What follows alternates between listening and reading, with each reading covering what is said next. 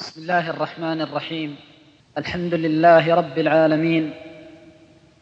الصلاة والسلام على أشرف الأنبياء والمرسلين وعلى آله وصحبه أجمعين. أما بعد السلام عليكم ورحمة الله وبركاته. أسأل الله العظيم أن يجزي أخانا أبا محمد كل خير من تسبب في هذا الاجتماع الطيب وأسأله تعالى أن يوفقنا جميعا فيه لما يحبه ويرضاه من صالح القول والعمل. إخواني في الله الأخوة في الله وشيجة بين المؤمنين وصلة بين عباد الله المتقين جمعت القلوب على طاعة الله وألفت بين الأفئدة في سبيل مرضاة الله وهي أوثق عرى الإيمان. فما آمن عبد بالله عز وجل إلا أحب أحباب الله واتجه قلبه لمحبة إخوانه في الله. ولذلك بين النبي صلى الله عليه وسلم أن هذه الأخوة الصادقة لا تكون إلا لمن ذاق حلاوة الإيمان كما ثبت في الحديث الصحيح عن النبي صلى الله عليه وسلم أنه قال ثلاث من كن فيه وجد بهن حلاوة الإيمان أن يكون الله ورسوله أحب إليه مما سواهما وأن يكره أن يعود إلى الكفر كما يكره أن يلقى في النار وأن يحب الرجل لا يحبه إلا لله. فقلوب المؤمنين أحبت رب العالمين وحب وأحبت أحباب رب العالمين وأولياءه المتقين فصارت إلى الله وإلى سبيل محبة الله بموالاة أولياء الله وأحباب الله. ومن هذا الأساس والمنطلق برئت قلوب المؤمنين من حمل الضغائن على إخوانهم وبرئت قلوب المؤمنين من إيجاد الشحناء بينهم.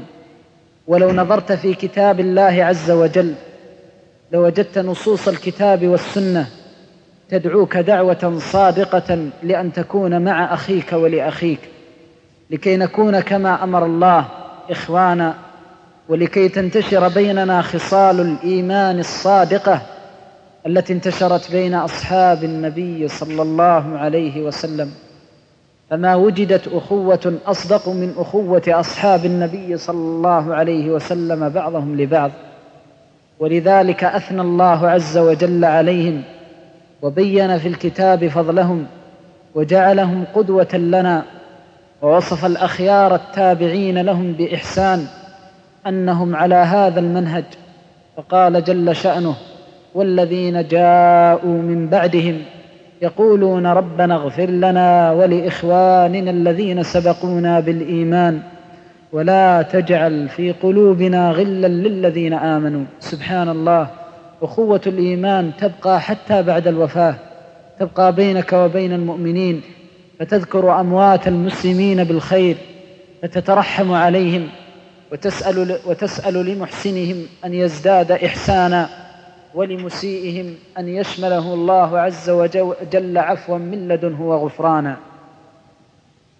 ومن تدبر القرآن وجده يهدي إلى هذه المحبة ويأمر بها ويحث عليها ولذلك بين الله تبارك وتعالى فضل أصحاب النبي صلى الله عليه وسلم حينما وصفهم بقوله محمد رسول الله والذين معه أشداء على الكفار رحماء بينهم فمن سمات الإخوان في الله والأحباب في الله أنهم رحماء وبينهم الرحمة التي هي نابعة من الإيمان فالمؤمن حليم رحيم وأحق من ترحمه أخوك في الدين الذي قد تبلغ أخوته في الدين علوا وشرفا فوق أخوة الحسب والنسب.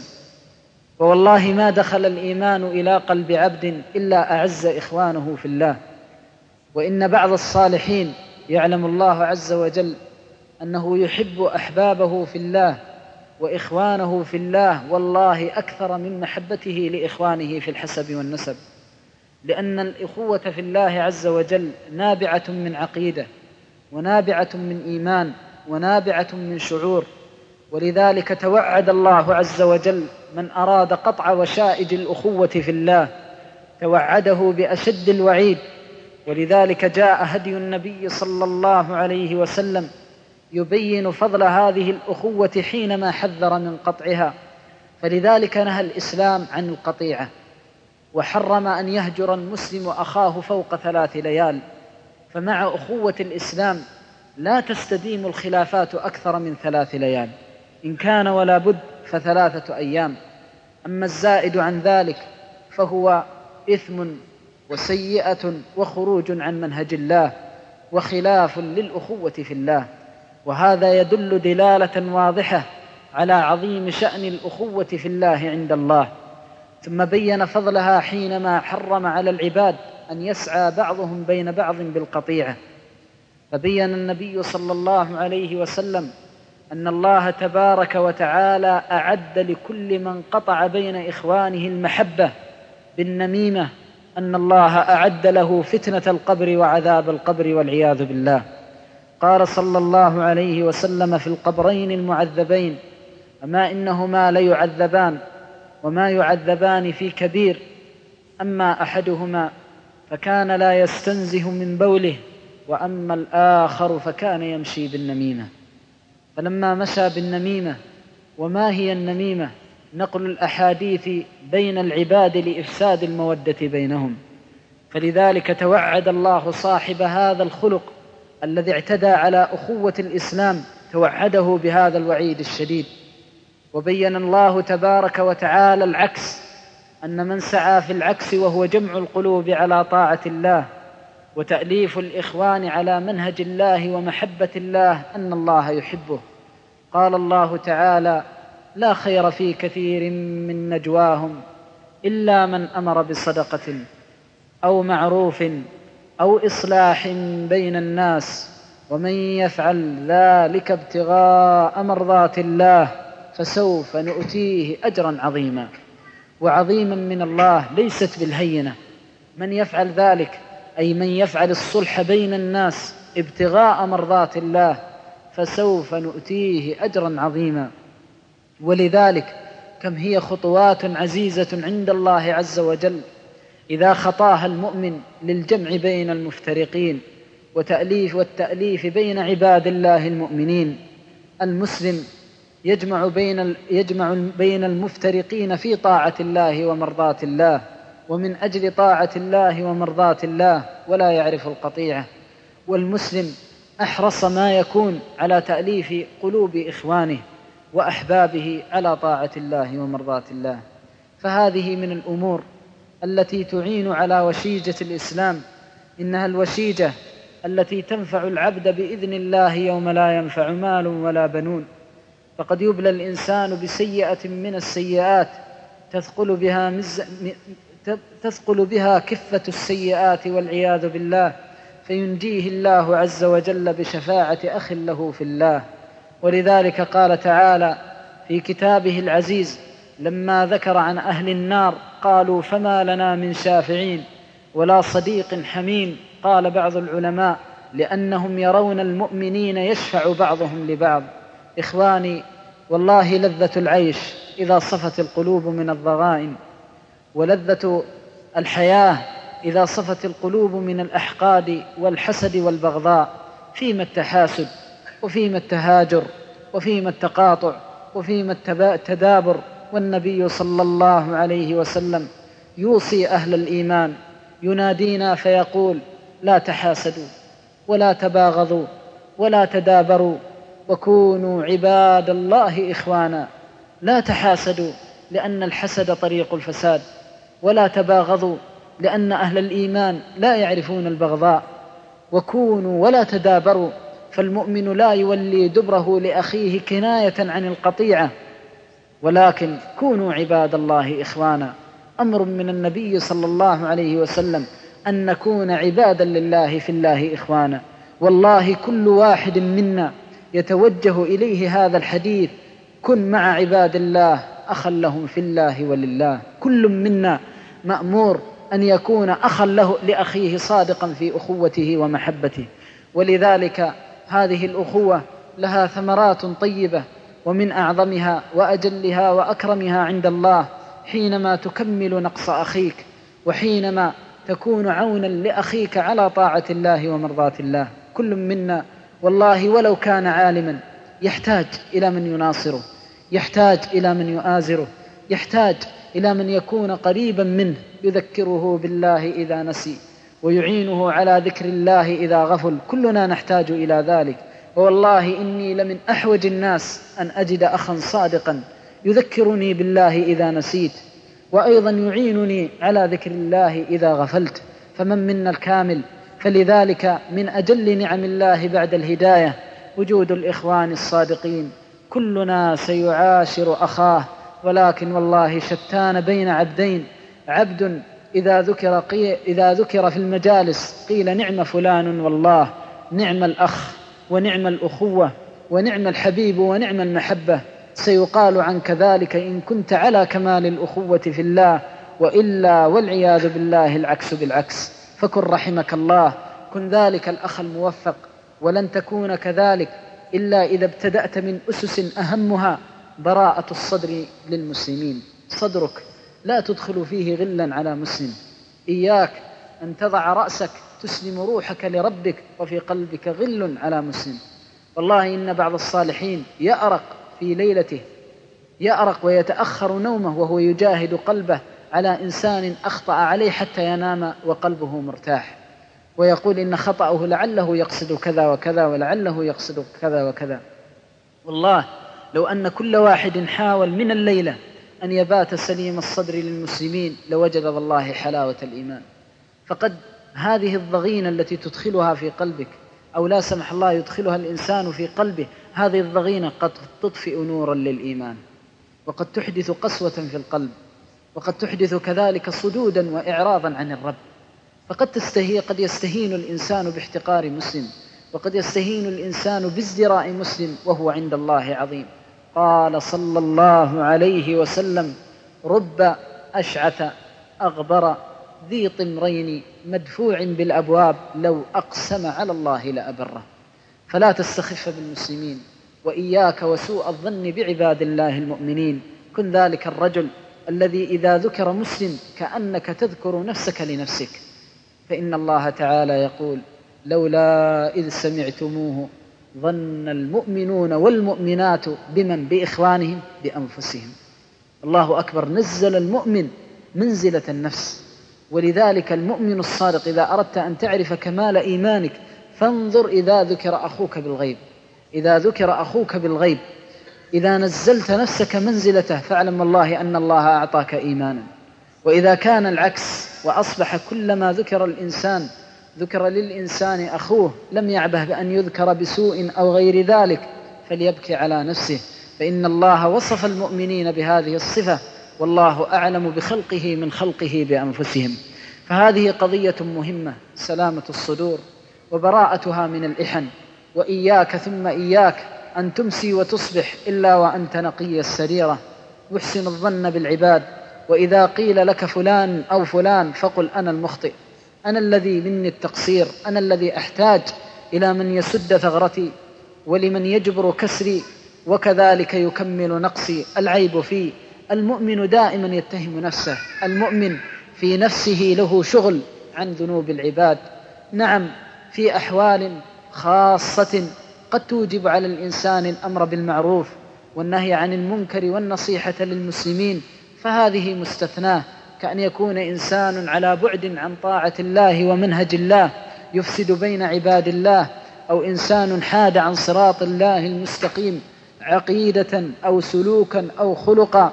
فهذا له حكمه المستثنى وإنما قضيتنا الأصلية وكلامنا في الأصل وهو ما ينبغي أن يكون للمسلم الذي لم تثبت عليه شائبة تشينه في دينه وخلقه. ثم هناك قضايا ينبغي أن نلم بها وهي أن هناك أعداء أعظمهم عدونا إبليس الذي أقسم على تفريق هذه القلوب. هذا العدو دائما يأتيك بالضغائن ودائما يأتيك بالمنغصات التي تنغص الأخوة. ولذلك يقع الخطأ من بعض إخوانك. مثلا يمر عليك ولا يسلم. لكونه مشغول البال فيأتيك الشيطان. فلان لا يحبك. فلان يكرهك. فلان يخالفك. فلان كذا وكذا. حتى تتربى أو يتربى في ذلك القلب الحقد على أخيه المسلم. فلذلك يحذر المسلم إذا جاءته وساوس الشيطان أو ألمت به خطرات ذلك العدو اللدود برئ إلى الله وضرع إلى الله فقال أعوذ بالله. قال تعالى وقل لعبادي يقول التي هي أحسن إن الشيطان ينزغ بينهم. قل لعبادي قل لأهل الإيمان قل للذين يرجون لقائي قل لهم قل لعبادي. انظر كيف أسلوب التشويق. والله بمجرد ما تقرأ بداية الآية قل لعبادي كأنها تشعر بأن الذي يتخلق بهذا الخلق عبد صادق لله. قل يا محمد لعبادي الذين يرجون لقائي ويرجون محبتي قل لعبادي وينسبهم إليه جل شأنه. مثل ما قال وعباد الرحمن يقول بعض العلماء من أجل الأوصاف وصف العبد بالعبودية لله. ولذلك لما أراد أن يشرف نبيه قال سبحان الذي أسرى بعبده. فشرفه ورفع قدره. كذلك أهل الإيمان شرفهم. قل لعبادي وقل لعبادي يقول التي هي أحسن يقول التي هي أحسن. إذا جاءك إنسان بضغينة أو جاءك فقال فلان يقول كذا وكذا فهناك حسن وهناك أحسن. ما قال يقول حسنى يقول التي هي أحسن. التي هي أحسن أفعل التفضيل يدل على أنك لا تبادل الإساءة بالإساءة. لأنه إذا أساء الغير من حقك أن ترد الإساءة بالإساءة ولكن الأحسن أن ترد الإساءة بالإحسان. فإذا الذي بينك وبينه عداوة كأنه ولي حميم. يقول تعالى مبينا فضل عباده المتقين فبشر عبادي. من هم يا رب؟ الذين يستمعون القول فيتبعون أحسنه. فلذلك إذا وقفت في موقف بينك وبين أخيك فاعلم أنك بين الجنة والنار. واعلم والله أنه إذا أساء إليك أخوك أنك اولا وقبل كل شيء ممتحن من الله. نحن بحاجة إلى من يغذي قلوبنا عند حصول الفتن. قد تحصل بعض الخلافات ما في أحد كامل. ربما يوم من الأيام يزل أخو يزل أخوك بكلمة أو تخرج من فمه زلة أو يذكر امرا من أمور الجاهلية. ما العمل؟ جاء الإسلام بالعلاج. جاء حينما ذكرك بأنه ينبغي أن تعامل الله عز وجل أن ترجو الله والدار الآخرة. وكيف ترجو الله والدار الآخرة؟ ترجو الله والدار الآخرة حينما تقول لأخيك أنا عاف لوجه الله. هذه الكلمة لها ثقل عند الله. كأنك تقول أنا ما اعفو إلا من أجل أنني إذا لقيت الله أجد عنده حسنة هذا العفو. لوجه الله أي من أجل وجه الله عز وجل. ولذلك ورد في الأثر وحكاه بعض أهل التفسير في قوله تعالى والكاظمين الغيظ والعافين عن الناس وبشر المحسنين ورد في الأثر أن الله تبارك وتعالى يقول يقول من كان أجره على الله فليقم في عرصات يوم القيامة فتقول الملائكة ومن هذا الذي أجره على الله؟ يقول النبي صلى الله عليه وسلم فلا يقوم إلا من عفا عن ذنب وهذا من أسمى ما يكون المنهج لأن منهج التشريع كماله أن يضع المشرع فرضا واحتمالا بأن تقع خلافات. فالشريعة حببت في الأخوة وذكرت ثمارها في الدنيا من الأمر بالمعروف والنهي عن المنكر والتواصي في طاعة الله وذكرت ثمارها في الآخرة من الشفاعة وجاءت بالفرض المحتمل وهو فرض الخلافات. إنما المؤمن سبحان الله. عالجت المختلفين وأيضا عالجت من خارج المختلفين. عالجت المختلفين حينما أمرتهم بأن يقولوا التي هي أحسن وعالجت من خارج المختلفين إنما المؤمنون إخوة. كأنهم ما خلقوا إلا من أجل الأخوة. إنما المؤمنون إخوة. فأصلحوا بين أخويكم. عالجت من الخارج وعالجت من الداخل. ثم كذلك حببت فيما عند الله عز وجل من الأجر والفضل والثناء وحسن الذكر ولذلك من عفا ومجرب والله لن يتسع صدرك لأذية مؤمن يؤذيك. فترجو رحمة الله ويتسع صدرك ويقول أنا عاف لوجه الله إلا رفع الله قدرك. ففي الصحيح عن النبي صلى الله عليه وسلم أنه قال ما زاد الله عبدا بعفو إلا عزا أبدا لا تظن أنك إذا عفوت ذليل لا. صحيح أن الذلة للمؤمن مستحبة فسوف يأتي الله بقوم يحبهم ويحبونه. قوام ليل صوام نهار لا. أذلة على المؤمنين. هذا أول شيء. كيف أذل على المؤمن؟ بمعنى أنه إذا أساء إليه الغير لا يقابل الإنسان يذله. لأنه يأتيه الشيطان يقول له كيف تترك؟ أنت ضعيف أنت جبان أنت تخاف. يقول نعم. ضعيف جبان أمام لا إله إلا الله. أريد أن أنتقم لكن بيني وبينه كلمة لا إله إلا ما أستطيع. أضرب مسلم آذي مسلم ما أستطيع. إيمان هذا يدل على كمال الإيمان يدل على أن الإيمان قد توغل إلى أعماق ذلك الفؤاد وذلك القلب. إذا لا بد لهذه الأخوة أن تثبت. ولكن تحتاج رجالا صادقين. تحتاج منا أن تتسع صدورنا. إذا حصل أي خلاف أي شقاق ما نعين أهل الخلاف والشقاق على الخلاف والشقاق. وإنما قول بالحسنى وابتغاء لمرضات الله جل وعلا وإحسان لا إساءة. وجمع لا تفريق وكذلك تأليف لا شتات فهي وصية النبي صلى الله عليه وسلم. ومن رحمة الله الغالب في أهل الإيمان والله مهما وقع بينهم من الخلافات ومهما وقع بينهم من الشقاق فإن صدورهم رحبة أهل الإيمان غالبا مهما يقع بينهم فإن صدورهم رحبة أذكر ذات مرة أن شابين كانا دعاة في بلدهما. وكان بينهما من العداوة والفرقة شيء كثير. وحصل ما حصل. فكنت لا أعرفهما فجاء شخص وأخبرني وشاء الله أنهما اجتمعا في المدينة في مناسبة من المناسبات فدعوتهما. وهذا أقصها لكي أبين أن القلوب لا زال فيها خير. قطيعة وتهم وبينهم من الشقاق شيء كثير. فشاء الله أنني انفردت بأحدهم. وذكرته بالله عز وجل وبينت له ما للعفو وللصفح من خير وما للإسلام من مقصد في جمع القلوب إلى آخره. ورهبته بالله كيف هذه القلوب البريئة؟ يقسمون المسلمون المسلمين كل ذلك لمصالح شخصية وكل ذلك لا لأشياء لا تمت الإسلام بصلة. كل يتهم الآخر وكل منهم ينابذ الآخر. فشاء الله عز وجل. بعد أن طال الحديث كلمت الأول وكلمت الثاني. ثم جمعتهما مع بعضهما.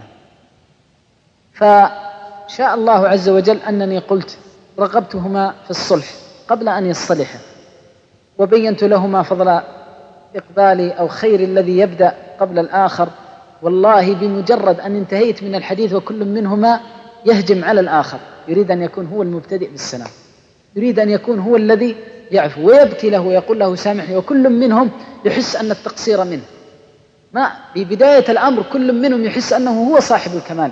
لكن إذا قرأت قلوب أهل الإيمان بقوارع التنزيل عرفت قدر نفسها. ولذلك لا يعرف الإنسان قدر نفسه بشيء مثل خشية الله. خشية الله إذا دخلت إلى القلب جعلت صاحبها في الحضيض وجعلت تتهم بكل تقصير. فلذلك سبحان الله عظيم عجبت. والله ما تمالكت موقف عجيب. كانت بينهم من القطيعة والتهم شيء كثير. كل منهما يحاول أن يسبق الشخص الآخر وجمع الله قلوبهم ونسأل الله أن يجمعها إلى يوم الدين ويجمع قلوبنا أيضا معهم على طاعته ومرضاته. المقصود هذا يدل على ماذا؟ يدل على أن القلوب فيها خير. ومن شواهد عهد النبوة لما جاء أهل النفاق فأورثوا الشحناء والبغضاء بين الأوس والخزرج. وقال الأوسي يا للأوس وقال الخزرجي يا للخزرج فثاروا إلى السلاح حينما تذاكروا يوم بعاث. هذه الضغين التي كانت بينهم حركها ذلك المنافق. قاتله الله وعامله بما يستحق وهو عبد الله بن أبي بن سلول لما حركها وبلغت تلك الصيحة رسول الله صلى الله عليه وسلم ماذا فعل؟ ماذا فعل عليه الصلاة والسلام؟ خرج يجر رداءه. يجر رداءه لكي يتدارك أخوة الإسلام. خرج يجر, يجر الرداء يعني حتى نفسه اشتغل بثوبه ما عبه به. يجر رداءه من أجل أن يدرك هذه الأمة الطاهرة. فجاءهم خلاص يريدون أن يقتتلوا. يا للأوس ويا للأنصار ويا للخزرج كل منهم ينادي أخاه للفتنة والضغينة. فشاء الله عز وجل أنه نادى في الناس فاجتمعوا فرق المنبر وثلاث آيات من الكتاب. تلاها عليه الصلاة والسلام في قوله يا أيها الذين آمنوا إن تطيعوا فريقا من الذين أوتوا الكتاب يردوكم بعد إيمانكم كافرين. وكيف تكفرون وأنتم تتلى عليكم؟ آيات الله سبحان الله أساليب ربانية تحرك هذه القلوب. تدل يا إخوان على أننا بيننا صفاء ومودة عظيمة. صفاء ومودة بماذا؟ بعقيدة الإيمان التي هي أقدس شيء وجد على وجه الأرض. وكيف تكفرون وأنتم تتلى عليكم؟ آيات الله استفهام إنكاري وأسلوب رباني رفيع في معالجة الداء. وكيف تكفرون وأنتم تتلى عليكم آيات الله وفيكم رسوله ومن يعتصم بالله فقد هدي إلى صراط مستقيم ثم سبحان الله بين لهم أهمية الأخوة ثم أوجد لهم الأمل ومن يعتصم بالله كأنه يقول لهم ارجعوا واعتصموا بالله واتركوا عنكم هذا الخلاف ومن يعتصم بالله فقد هدي إلى صراط مستقيم ثم يقول تعالى يا أيها الذين آمنوا اتقوا الله حق تقاته ولا تموتن إلا وأنتم مسلمون واعتصموا بحبل الله جميعا. يقول بعض العلماء أن ذكر الاعتصام بعد الإسلام والوصية بالإسلام يدل على أن من آكد الفرائض بعد التوحيد والإيمان تحقيق الأخوة في الله. هذا من آكد الفرائض يا إخوان. بعد ماذا؟ بعد الإيمان. ولذلك قال اتقوا الله حق تقاته. ولا تموتن إلا وأنتم مسلمون. هذه العقيدة والأساس والأصل واعتصموا. هذه ثمار العقيدة وفروع العقيدة ولازم العقيدة. ما دمنا أننا أهل إيمان ماذا نفعل؟ واعتصموا بحبل الله جميعا. ولا تفرقوا. واذكروا نعمة الله عليكم. إذ كنتم كفارا فآمنتم. لا. إذ كنتم أعداء فألف بين قلوبكم فأصبحتم بنعمته إخوانا. وكنتم على شفا حفرة من النار فأنقذكم. يقول الوالد رحمة الله عليه في تفسيرها أمر عجيب. يمتن بجمع القلوب قبل النجاة من النار. قبل النجاة من النار. واذكروا إذ كنتم أعداء فألف بين قلوبكم. فأصبحتم بنعمته إخوانا وكنتم على شفا حفرة من النار فأنقذكم. ولذلك السياق له تأثير. يعني ذكر الشيء قبل الشيء يدل على أهميته. لأن العناية بالبداية تدل على فضل الشيء المبتدأ به. فالمقصود قيل إن إنه أراد أن يبين خطر الفرقة. هذه الآيات ما إن تلاها رسول الله صلى الله عليه وسلم على أقوام قد غلت قلوبهم من الأحقاد والذكريات الأليمة من ذلك الخبيث الذي أشعل نار الفتنة ما إن تلاها. وإذا بتلك العيون تدمع من خشية الله. قاموا يتباكون ويعانق بعضهم بعضا من شدة أثر القرآن في قلوبهم. ما استطاع أحد منهم رموا السلاح وأقبلوا يتعانقون ويبكون من شدة أثر القرآن في قلوبهم. رضي الله عنهم وأرضاهم. نعم والله القوم. نعم والله العبد. الذي ما إن تبلغه الآية من كتاب الله أو يبلغه أو تبلغه الوصية من وصايا الله إلا وجدته أسبق الناس إلى فعلها والعمل بها. جعلنا الله وإياكم ذلك الرجل. إخواني هذه وصية أقولها لأننا تمزقنا. أقولها لأننا تفرقنا. لأنه دخلت بيننا دواخل كثيرة. فأصبحنا والله نعايش آلاما. أصبح الإنسان في بعض الأحيان يشتكي بعض الإخوان أمورا والله قد لا تصدق بين أهل الدنيا تعتبر من أهم الأمور الموجبة للقطيعة فكيف بأهل الإيمان؟ لماذا هذه الشحناء؟ ولماذا هذه البغضاء؟ هل يتصور إنسان مسلم أخاه لله وفي الله سمت سمت صالح يمر ولا يسلم عليه؟ والله أمر سبحان الله ما يمكن أن يحتمل القلب. ما أتحمل إنسان مسلم يمر سمت صالح أمر ولا ولا يسلم عليه أو لا أسلم عليه؟ أعتبرها كأنها جريمة هي ليست جريمة في الشرع ومندوب إلى السلام والسلام مطلوب ولكن هذه أمور من دعائم الإيمان وهذا يدل على ضعف الإيمان في القلوب. ولذلك ينبغي أن نحيي هذا الأمر. والله تبارك وتعالى بين أنه يوجد في كتابه وسنة نبيه صلوات الله وسلامه عليه ما يجمع القلوب. ولذلك ليس هناك أخوة أصدق من أخوة أهل الإيمان وليس هناك أخوة أصدق من أخوة المسلمين بعضهم مع بعض. فلذلك إخواني أمامنا كتاب الله الذي هو الحبل بيننا والرابطة لنا عليها نجتمع وعليها نأتلف ومن أجلها نقول ومن أجلها نصول وبها نصول ونجول هي كلمة الله. كلنا قد رضي بالله ربا وبالإسلام دينا وبمحمد صلى الله عليه وسلم نبيا ورسولا. ما المانع أن يهش المسلم لأخيه إذا لقيه وأن يسأله عن حاله وأن يتفقده ولو لم يكن يعرفه؟ لأن ذلك من أدعى ما يكون من وشائج الإيمان. تصور لو أن إنسانا غريبا نزل بين المسلمين وهو مسلم فوجد هذا يسلم عليه ووجد هذا يهش له ويبش كيف يكون أثر الإيمان؟ يزداد إيمان يزداد ثبات. لكن نخشى والله أن نكون حجرة عثرة للمهتدين إلى طاعة الله والله نخشى من ذلك. نخشى ولذلك عندي وصية أخيرة أوصيكم بها ونفسي وأوصي الدعاة والمربين والإخوان بها. وهم الشباب المهتدون الذين هم في بداية الطريق إلى الله. أوصيكم يا إخوان وأوصيكم أن توصوا إخوانكم بهم خيرا. والله إنهم أمانة في أعناقكم. الشاب إذا ابتدأ في الهداية يكون عنده طاقة عجيبة من الإيمان. فأقل شيء قد يؤثر عليه. وأقل تصرف من الصدود أو الإعراض أو الاحتقار أو النظر إليه كأنه حديث عهد بجاهلية يكون له أثر لا يعلمه إلا الله. وقد انتكس البعض والعياذ بالله. وهو في ميزان سيئات من كان السبب في انتكاسه والعياذ بالله. فإياك أن تكون رحمك الله ذلك الرجل الذي يكون والعياذ بالله حجرة عثرة في طاعة الله ومرضاة الله.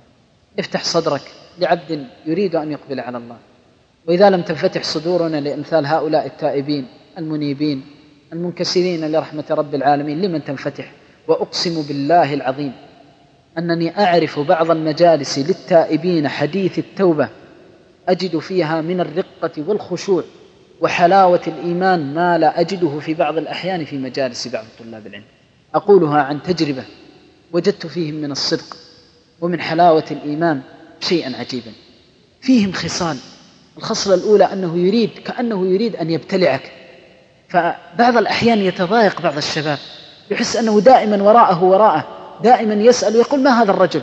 بسرعان ما ينفر منه. لا إياك أن تنفر منه. يعطيك بعضه أعطه كلك.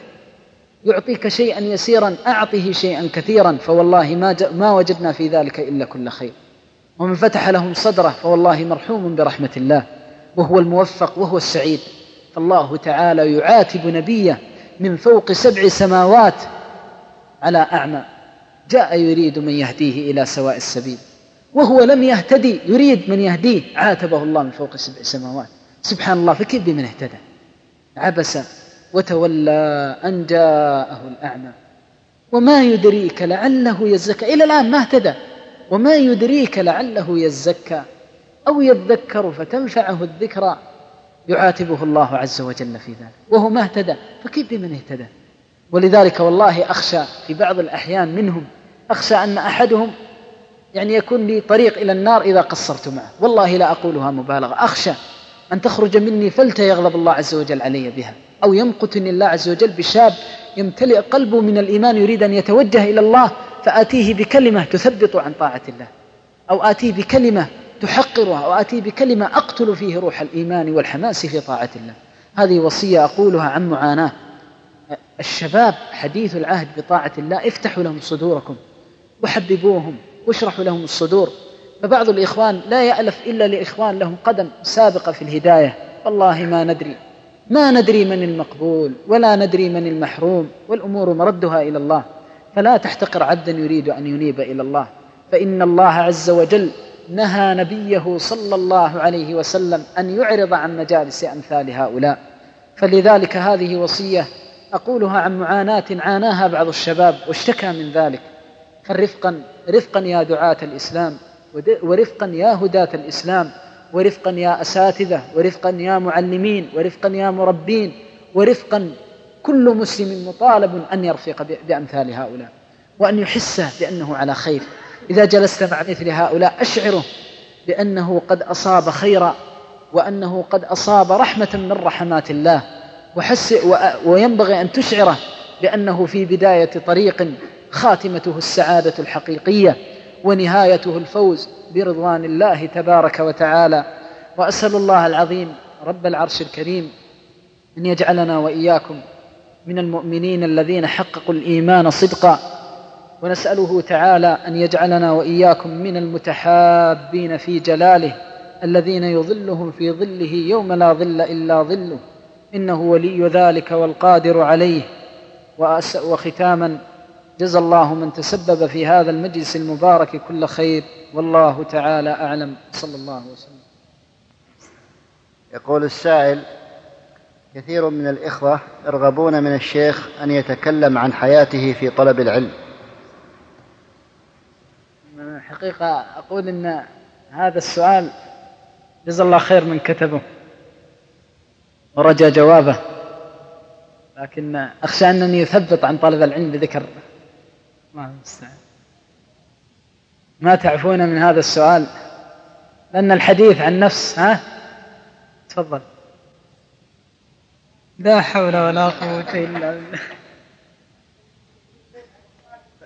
كالمستجير من الرمضاء بالنار. الله المستعان يا شيخ. لا حول والله ما أدري. نخشى. لا محاضرة لا. على العموم نذكر نذكر بعض الشيء. بسم الله الحمد لله الصلاة والسلام على رسول الله وعلى آله وصحبه ومن والاه. أما بعد فأسأل الله العظيم أن لا يؤاخذني في الآخرة على ملء مادة من الشريط بمثل هذه الأخبار. إن كنت أرى أن غير هذا السؤال أحق لكن حسبنا الله ونعم الوكيل. أما طلب العلم طلبي للعلم فأسأل الله العظيم أن يجزي الوالد كل خير. وأحمد الله تبارك وتعالى أن هيأه لي وسخره لي وما كان العبد ليصيب ذلك لولا فضل الله. كان رحمه الله حريصا على أخذنا إلى مجالسه في الحرم وإحضارنا في دروسه في البيت. وكنا من الصغر حتى أحيانا أنام في حجره في الحرم رحمة الله عليه لأنه كان يدرس بعد الفروض كلها عدا فرض العصر يكون في درسه في البيت. فلما بلغت الخامسة عشر أمرني أن أجلس بين يديه وأن أقرأ عليه دروس الحرم. فابتدأت معه بسنن الترمذي. وتعرفون بداية واحد مثلي ضعيف يعني أمام جمع من الناس في داخل الحرم ولكنه أراد رحمة الله عليه أن يشحذ الهمة. وكان يحسن الظن بي كثير أسأل الله عز وجل أن لا يخيب ظنه. أسأل الله العظيم أن لا يخيب ظنه فيه. فابتدأت بقراءة سنن الترمذي ثم انتهيت منه فابتدأ بالموطأ وختمته عليه. ثم بعد ذلك ابتدأ بسنن ابن ماجه وتوفي رحمه الله ولم يكمل. أسأل الله أن يكتب له أجر إكماله. هذا بالنسبة للدرس الأول الذي بعد المغرب. ثم يأتي طالب ويقرأ عليه درس في اللغة ثم طالب يقرأ عليه درس في الفقه وكنت أحضر معه. بعد العشاء قرأت عليه صحيح مسلم حتى ختمه ثم ختمه الختمة الثانية وتوفي في آخرها. ومن غريب ما يذكر أنه توفي عند باب فضل الموت والدفن في المدينة. وأذكر أنه ذكر في آخر مجالس حديث فضل الدفن من المدينة وهذا الحديث قد قرأت عليه قرابة أربع مرات في صحيح البخاري وكذلك في صحيح مسلم. ما أذكر أنه دعا إلا في آخر مجلس من حياته وكان صحيح ليس به بأس. فبعد أن ذكر الفضل وذكر أقوال السلف رحمهم الله قال وأسأل الله جل وعلا ألا يحرمنا ذلك. فأمن الحاضرون ولا زلت أذكرها. حتى قلت يعني من تأمينك مثل آمين في الحرم من كثرة الحضور رحمة الله عليه في درسه. فكنت حافظ لذلك المجلس لأنني أعرف بالعادة يمر على هذا الحديث وما دعا. آه ثم في الفجر كان يقرأ بعد صلاة الفجر التفسير حتى تطلع الشمس. وأما بعد صلاة الظهر فكنت أقرأ عليه صحيح البخاري حتى ختمته. ثم أيضا ابتدأ قراءة ثانية فتوفي ولم أكملها عليه. وأما بالنسبة لقراءة عليه الخاصة فقرأت عليه في الفقه قرأت عليه متن الرسالة حتى أكملته وقرأت عليه في بداية المجتهد بمذاهب العلماء والفقهاء شيئا كثيرا من مسائلها وكنت أحررها وكان رحمه الله واسع الباع في علم الخلاف ويذكر الأدلة لكن كان عنده ورع في الترجيح.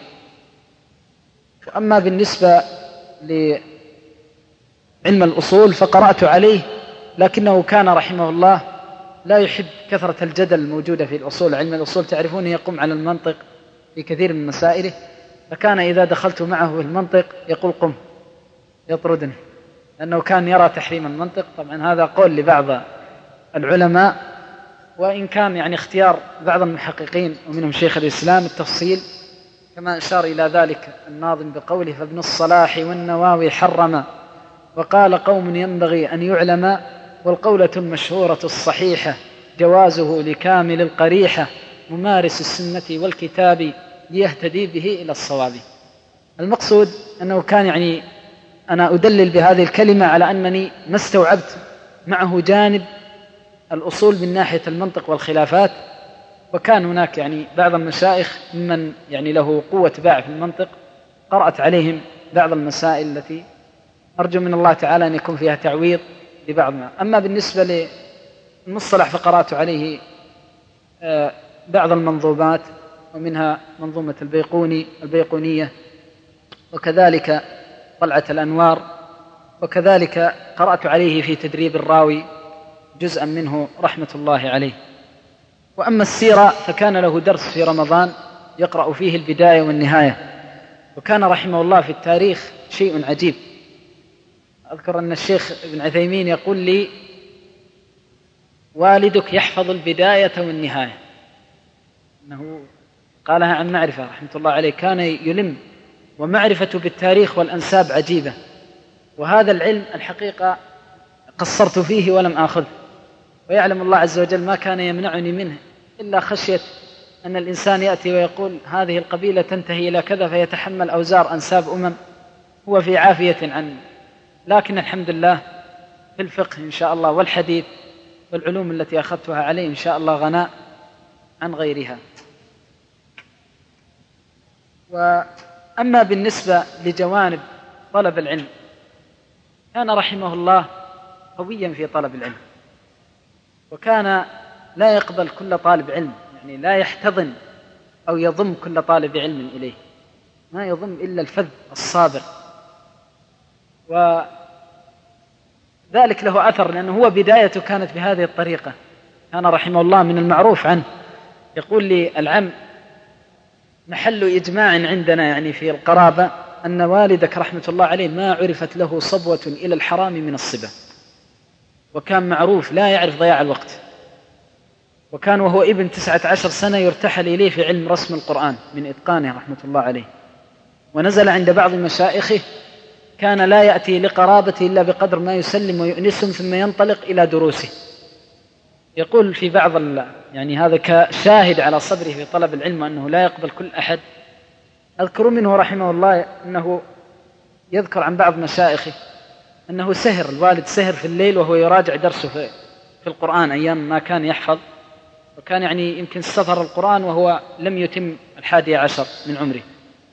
المقصود أنه سهر الليل في مراجعة حزبه ثم لما صلى الفجر ارتاح قليل. فمر عليه شيخه كان يعني تعرفون التعليم في البلاد فيه السلام خاصة في قضية التحفيظ هذه لها طابع خاص وفيه من الضرب والتأديب يعني شيء لا يخطر على البال. فلما نام بعد صلاة الفجر مر عليه شيخه فركض برجله وقال له يا مخيتير ما بلغت الساعة التي تنام؟ في مثل ما بلغت من العلم ما يؤهل لك أن تنام مثل هذه الساعة. يقول فقمت من ساعتي أراجع حفظي. يعني من شدة الضبط والتحرير. وكان عنده همة كان من أهم الأمور التي رأيت فيها أنه لا يحب ضياع الوقت. ممكن أن يقبل كل شيء إلا ضياع الوقت. يدخل البيت أول ما يستفتح يصلي ما كتب له. ثم والله يا إخوان ينقلب على فراشي والكتاب في حجري. آتيه في مشكلة معضلة يلتفت إليه فقط والكتاب في حجري. ماذا تريد؟ أقول كذا وكذا يقول افعل كذا وكذا ثم يلتفت إلى الكتاب. همة عجيبة. لما هاجر من البلاد وخرج رحمة الله عليه آه، خرج بكتبه وعزت عليه الكتب يعني في شدة البرد وضعها على جراب من جلد.